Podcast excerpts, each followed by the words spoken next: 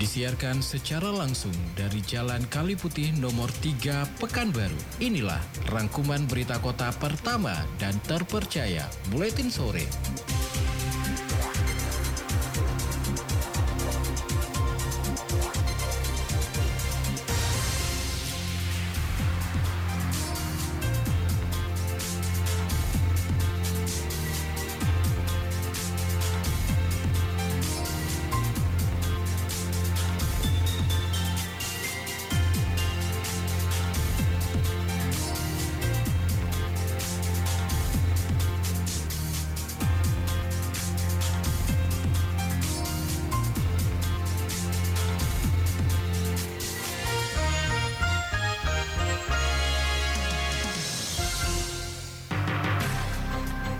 Berbagai peristiwa terjadi setiap menitnya.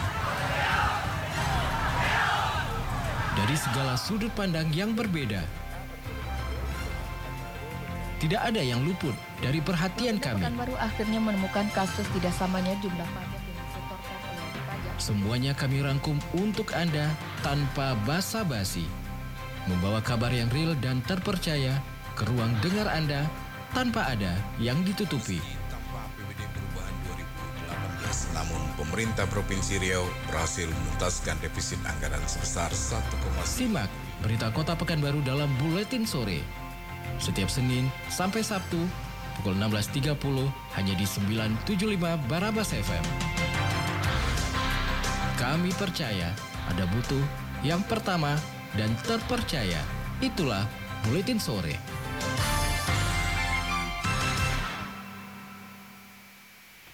Halo selamat sore Mitra Kota, rangkaian informasi aktual yang terjadi hingga sore hari ini telah dirangkum oleh tim Buletin Sore. Bersama saya Indi Simorangkir, inilah Buletin Sore untuk edisi hari Senin 13 November 2023 selengkapnya. Newsday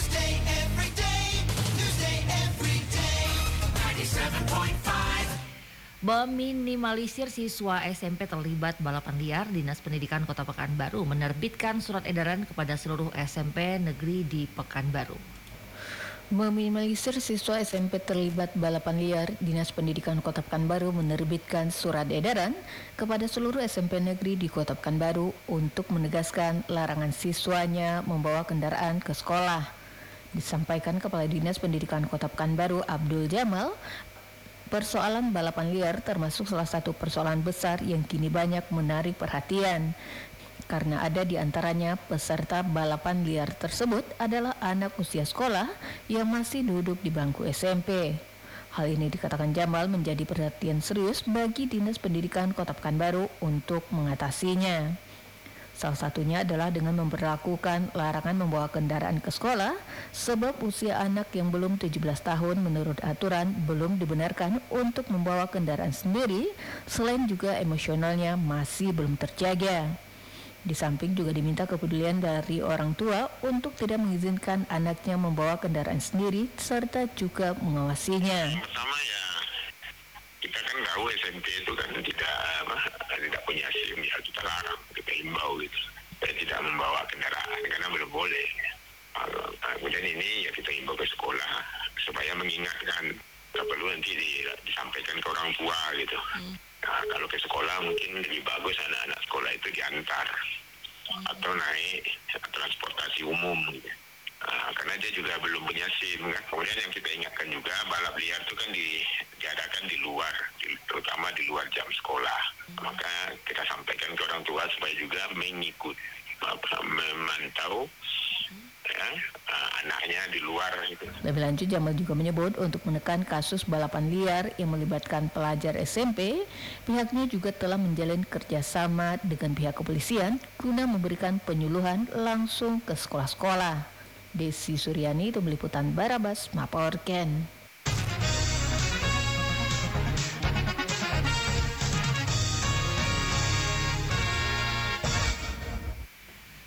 Sekretaris Daerah Provinsi Riau SF Haryanto melantik puluhan pejabat eselon 3 dan 4 di lingkungan Pemprov Riau. Sekretaris Daerah Provinsi Riau SF Haryanto melantik puluhan pejabat eselon 3 dan 4 di lingkungan Pemprov Riau. Pelantikan puluhan pejabat administrator tersebut berlangsung di dua lokasi, yakni di ruangan Melati kantor Gubernur Riau sebanyak 39 orang, kemudian di Dinas Pekerjaan Umum Penataan Ruang dan Perumahan Kawasan Pemukiman Pertanahan lebih kurang 40 orang. Pelantikan di ruangan Melati dipimpin SF Haryanto, sedangkan pelantikan di kantor Dinas PUPR Riau dilakukan oleh Asisten 2 Sedaprov Riau, M. Jeb Kurniawan. SF Haryanto mengatakan agar pejabat yang baru dilantik untuk dapat menjaga dan menjalankan amanah dengan baik. Kemudian ia juga meminta pejabat yang baru dilantik agar dapat membuat inovasi-inovasi yang bermanfaat bagi masyarakat dan pembangunan. Ia juga mengingatkan jika pelantikan ini merupakan hal yang biasa bagi seorang aparatur sipil negara karena untuk mengisi kekosongan yang ada, yang pensiun, rotasi, dan juga ada penilaian kinerja. Oleh karena itu, SF Haryanto kembali mengingatkan kepada pejabat yang baru dilantik untuk bekerja dengan baik sebab kinerja pejabat yang dilantik juga akan dievaluasi oleh pimpinan. Selain itu, Sedaprov juga menjelaskan soal kekuatan hukum pelaksanaan mutasi ini. mungkin saya lihat kemarin banyak bahasa wah PLT mana boleh melantik mana bisa melantik PLT beliau tuh melihat satu surat yang tahun 2002 coba lihat baca PP-nya saya bacakan. Pengertian perspektif hukum regulasi terkait kewenangan jabatan PLT, PJ dan sebutan lain. Bahwa terkait PLT Gubernur Riau perlu digarisbawahi. Kewenangan PLT Gubernur sama dengan Gubernur definitif. Itu jelas pak tapi di bahasa dulu aduh nggak boleh. Di mana nggak boleh? Baca tuh jangan polok jangan pasal ini jangan undang-undang ini PP ini baca PLK ini sudah kita konsultasikan ke biro hukum. Baik definitif yaitu absolut baik mengambil kebijakan strategis keuangan kepegawaian dan lain. Di dasar adalah Undang-Undang 23 tahun 2014 Ini beda jadi tentang pemerintahan daerah. Karena jabatan gubernur wagub adalah ektor, ektoral dan garis miring politik. Perspektif terkait jabatan PLT tidak bisa mengambil kebijakan strategis. Keuangan pega- kepegawaian itu hanya berlaku dijabat oleh ASN Pak Wagub bukan orang ASN orang politik beda Pak. Kalau saya jadi PLT gubernur atau PJ gubernur memang nggak boleh. Harus izin dari Kemendagri BKN beda Pak. Saya sama bisa PJ nggak bisa ngambil. Seperti Bang Kim Kampar pertama dia tidak bisa. Harus izin dari BKN dan izin Kemendagri. Itu kan izin karena memang itu undang-undangnya. Jadi ini biar jangan simpang siur saya bilang oh nggak boleh menjabat. Iya lu lihat yang mana? Undang-undangnya yang mana? Jangan undang-undang sebelah ini. Sebelah sini dong baca ini pejabat. Jadi ke dia sama-sama diangkat sama Pak Gubernur. Ini absolut. Sama-sama. Kalau dia mengundurkan diri ya harus pasti gubernur. Sekarang begitu mengundurkan diri Pak Gubernur kemarin kita usulkan ke, ke Presiden melalui Mendagri untuk diajukan jadi gubernur definitif. Alhamdulillah suratnya sudah diseknet. Insya Allah secepat mungkin lah minggu depan sudah definitif Pak Gubernur. Prima Ermat, Tim Liputan Barabas melaporkan.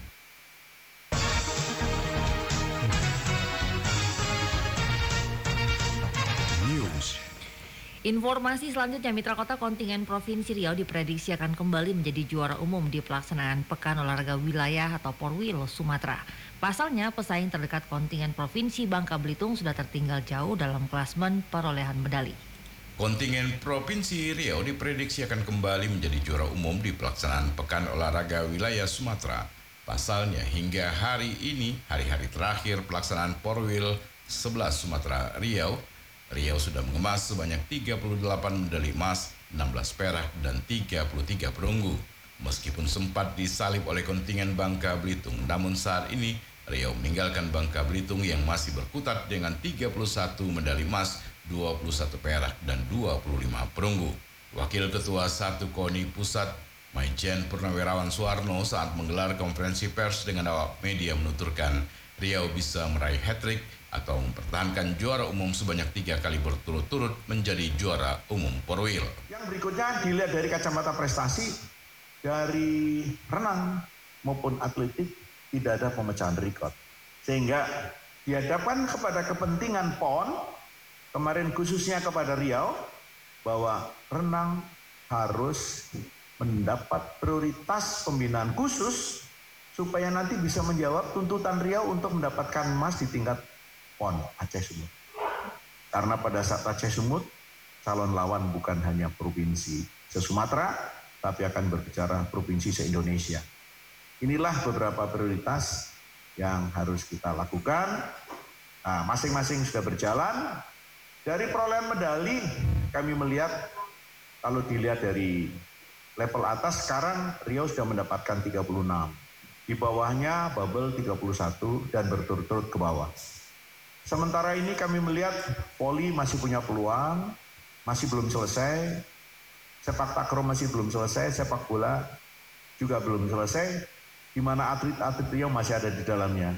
Lalu kemudian kita melihat di bawahnya, atlet dari Bangka Belitung kelihatannya sudah tidak atau tidak eksis di beberapa pertandingan terakhir. Sehingga prediksi kami Rio akan kembali hat-trick mendapatkan juara umum pada Porwil ini. Kita harus bersyukur itu. Berikutnya kami sangat berharap khususnya Riau sebagai tuan rumah ini belajar dari pengalaman sentra-sentra yang seperti yang saya katakan tadi. Kita berharap Riau nanti akan mampu untuk mengembangkan cabur-cabur yang mempunyai potensi medali banyak. Atletik yang masih ketinggalan. Mungkin kalau nanti ada dipertandingkan dayung, dayung itu juga penting. Sehingga ke depan Riau masih tetap mampu untuk berkiprah di level Sumatera maupun di level nasional. Sementara itu Ketua KONI Riau Iskandar Husin mengatakan dirinya sempat khawatir Riau sebagai tuan rumah Porwil sebelah Sumatera karena sempat ditikung oleh Bangka Belitung yang memperoleh banyak medali emas dari cabang olahraga atletik. Namun demikian ia tetap optimis dari cabang olahraga renang bisa menutupi kekurangan medali yang tidak didapat oleh cabur unggulan Riau lainnya seperti catur dan atletik. Seperti diberitakan sebelumnya, posisi Riau di puncak klasmen Pekan Olahraga Wilayah Sumatera 11 semakin tak terbendung setelah cabang olahraga sepak takraw berhasil meraih dua medali emas Riau dari nomor tim beregu putri dan tim regu putra. Tambahan dua medali emas membuat posisi Riau di puncak klasemen tidak terkejar lagi oleh provinsi lain. Prima Ermat, tim liputan Barabas melaporkan.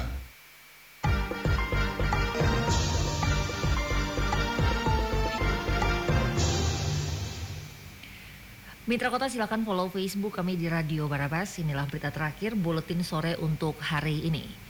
Puluhan ribu umat muslim memadati Masjid Raya An-Nur Provinsi Riau Jalan Hang Tuah Pekanbaru dalam tablik akbar bersama Ustadz Abdul Somad Jumat malam tadi dengan tema penggalangan dana dari Bumi Melayu Riau untuk Palestina. Puluhan ribu umat Islam memadati Masjid Raya An-Nur Provinsi Riau Jalan Hang Tua Pekanbaru dalam takbik akbar bersama Ustadz Abdul Somad Jumat malam tadi dengan tema penggalangan dana dari bumi Melayu Riau untuk Palestina. Jemaah yang ikut dalam takbik akbar ini mengenakan sal dan atribut yang berkaitan dengan Palestina. Bahkan bendera Palestina pun turut dikibarkan. Semuanya larut dalam pesan-pesan yang disampaikan. Adapun penggalangan dana dari Riau untuk Palestina ditargetkan terkumpul hingga 12 miliar rupiah pada akhir November 2023 ini. Penghimpunan dana tersebut diakomodir oleh Basnas Provinsi Riau. Teriakan bebaskan Palestina turut menggema dari jemaah yang hadir sebelum acara dimulai. Sementara itu PLT Gubernur Riau Edi Natar Nasution mengatakan kita berkumpul atas dasar keprihatinan melihat kondisi rakyat Palestina. Malam ini kita bersatu dalam satu niatan untuk melakukan upaya bersama untuk mereka yang telah menjadi korban kekejaman Israel. Ia kemudian membacakan surat Al-Ashaf ayat 10 sampai 11 yang artinya, "Wahai orang beriman, maukah kamu aku tunjukkan suatu perniagaan yang dapat menyelamatkanmu dari azab yang pedih? Maka berimanlah kepada Allah dan Rasulullahnya, berjihad dengan jiwa dan hartamu, itulah yang lebih baik jika kamu mengetahuinya." Menurut PLT Gubernur, ada tawaran berharga dari Allah kepada umatnya yang beriman dan bertakwa berniaga atas jalan Allah. Ia mengungkapkan rasa yang sangat menyakitkan karena ada umat muslim di belahan bumi lain menderita, dibunuh, dirampas hak-hak kemanusiaannya, dirampas orang tuanya dari anaknya, anaknya dari orang tuanya. Sedangkan di belahan bumi lainnya, umat muslim tetap diberikan kesejahteraan, kenikmatan, kesehatan, dan kebahagiaan tanpa kekurangan suatu apa pun. Inilah momentum bagi kita untuk melakukan perenungan. Edi Natar juga menyampaikan bahwa bagaimana mungkin kita bisa menyatakan setia kepada Sang Pencipta, namun kita tidak mengindahkan perintahnya. Saya ingin menyampaikan sebuah firman Allah di dalam surat ke-61 ayat 10 dan 11. Ya ayuhallazina amanu hal adulukum ala tijaratin tunjikum min azabin alim. Tu'minuna billahi wa rusulihi wa tujahiduna fisabilillah bi amwalikum wa anfusikum zalikum khairul lakum in kuntum ta'lamun. Di sini Allah mengatakan, wahai orang-orang beriman, maukah kamu aku tunjukkan sebuah perniagaan yang akan dapat menghindarkan kamu dari azab yang pedih? Apa itu kata Allah? Berimanlah kamu kepada Allah dan Rasulnya. Berjihadlah dengan jiwa dan hartamu. Itulah yang lebih baik jika kamu mengetahui. Kenapa ini saya sampaikan pada malam hari ini? Allah menawarkan kepada kita, kepada orang yang beriman. Insya Allah kita semua yang ada di sini adalah orang yang beriman. Yang namanya tawaran itu tidak akan diberikan kepada semua orang, tetapi kepada orang-orang yang dipilih. Dan pada malam hari ini tawaran itu Allah berikan kepada kita. Apa tawaran itu? Berniaga dengan Allah, berniaga yang tidak akan pernah ada ruginya dan pasti untungnya. Oleh karena itulah tadi dikatakan di dalam firman itu berjihadlah dengan harta dan jiwamu. Saudara kita sudah berjihad dengan jiwanya di sana. Hari ini kita diharapkan bisa berjihad dengan harta kita yang ada di sini. Itulah diharapkan kita perlu hadir pada malam hari ini. Betapa kita bersyukur hari ini kita diberikan kesehatan.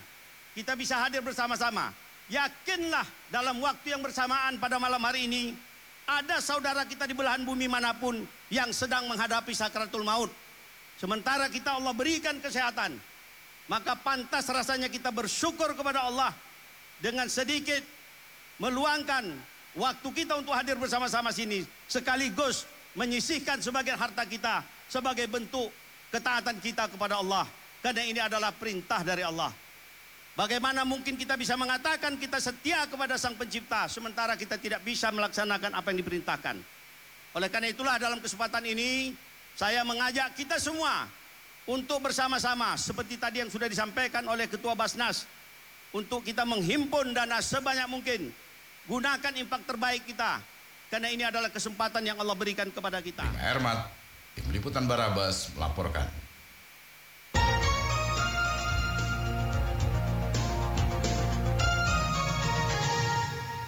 Mitra Kota demikian rangkuman berita yang kami hadirkan dalam Buletin Sore untuk hari ini. Sampaikan kritik dan saran Anda ke redaksi Buletin Sore Radio Barabas 975 FM Jalan Kaliputi nomor 3 Pekanbaru, telepon dan fax 42733.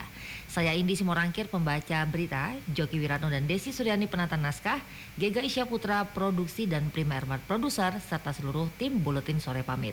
Terima kasih atas kebersamaannya. Selamat sore dan abadikan kami di hati Anda. Berbagai peristiwa terjadi setiap menitnya. Dari segala sudut pandang yang berbeda. Tidak ada yang luput dari perhatian kami. Pekanbaru akhirnya menemukan kasus tidak samanya jumlah pajak. Semuanya kami rangkum untuk Anda tanpa basa-basi. Membawa kabar yang real dan terpercaya ke ruang dengar Anda tanpa ada yang ditutupi. Pemerintah Provinsi Riau berhasil menuntaskan defisit anggaran sebesar 1,9 Simak berita Kota Pekanbaru dalam Buletin Sore.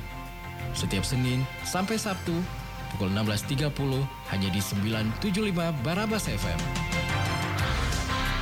Kami percaya ada butuh yang pertama dan terpercaya. Itulah Buletin Sore.